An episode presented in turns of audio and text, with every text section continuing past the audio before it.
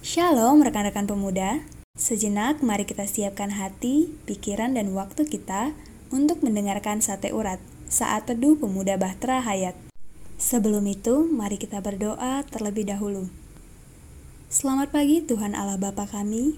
Terima kasih atas nafas kehidupan yang masih kau percayakan pada kami. Sehingga kami masih bisa menikmati satu lagi pagi yang indah. Ya Tuhan, sebentar kami akan bersaat teduh Kiranya Engkau memberkati dan menyertai kami, baik ketika mendengar pembacaan Alkitab ataupun renungan dari Sabda Bina Pemuda. Biarlah kami memiliki kesiapan hati untuk menjadi pendengar dan penerima yang baik. Terima kasih Tuhan, itulah doa kami dalam nama Tuhan Yesus Kristus. Amin. Rekan-rekan, judul sate urat pada hari ini ialah Percaya pada kuasanya dengan bacaan Alkitab dari Yohanes pasal yang keempat, ayat yang ke-46 hingga ke-54 yang tertulis demikian. Yesus menyembuhkan anak pegawai istana. Maka Yesus kembali lagi ke Kana di Galilea, di mana ia membuat air menjadi anggur. Dan di Kapernaum ada seorang pegawai istana, anaknya sedang sakit. Ketika ia mendengar bahwa Yesus telah datang dari Yudea ke Galilea, Pergilah ia kepadanya lalu meminta supaya ia datang dan menyembuhkan anaknya, sebab anaknya itu hampir mati. Maka kata Yesus kepadanya, "Jika kamu tidak melihat tanda dan mukjizat, kamu tidak percaya."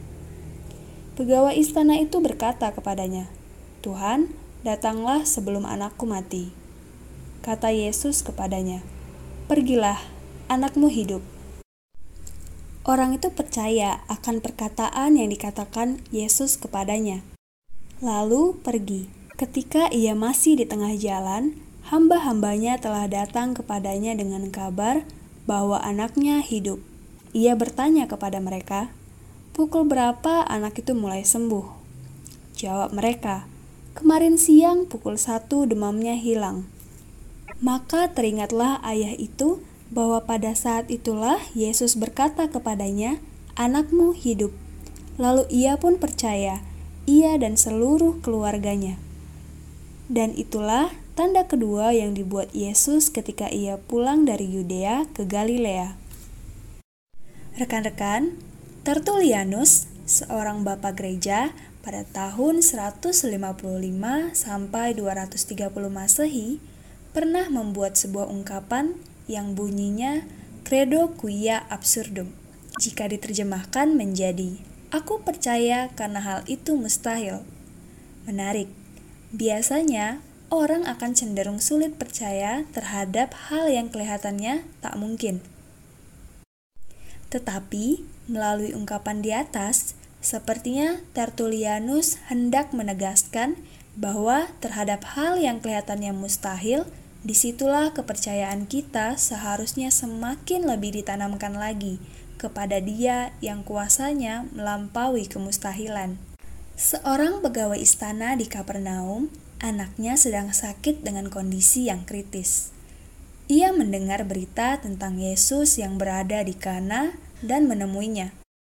Ia menempuh perjalanan sekitar 25 sampai 30 kilometer Perjalanan itu sendiri memiliki dua arti. Pertama, mengalahkan jarak. Kedua, mengalahkan gengsi. Pejabat mendatangi rakyat biasa. Menariknya, ketika Yesus menyuruh ia pulang karena anaknya telah sembuh, ia pun mematuhi perkataan Yesus. Padahal sebelumnya Yesus menyebutkan bahwa ia merupakan tipikal orang yang meminta melihat tanda dan mukjizat. Ketika ia mendapati anaknya telah sembuh dengan waktu kesembuhan persis dengan waktu Yesus menyuruhnya pulang, maka ia pun membawa seisi rumahnya untuk menjadi orang yang percaya pada Kristus. Ia tak khawatir dengan posisinya sebagai pejabat.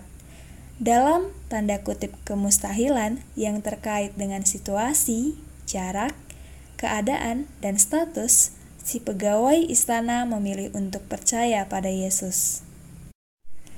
Sobat yang dirahmati Kristus, tidaklah mudah untuk menjadi percaya di tengah situasi kritis.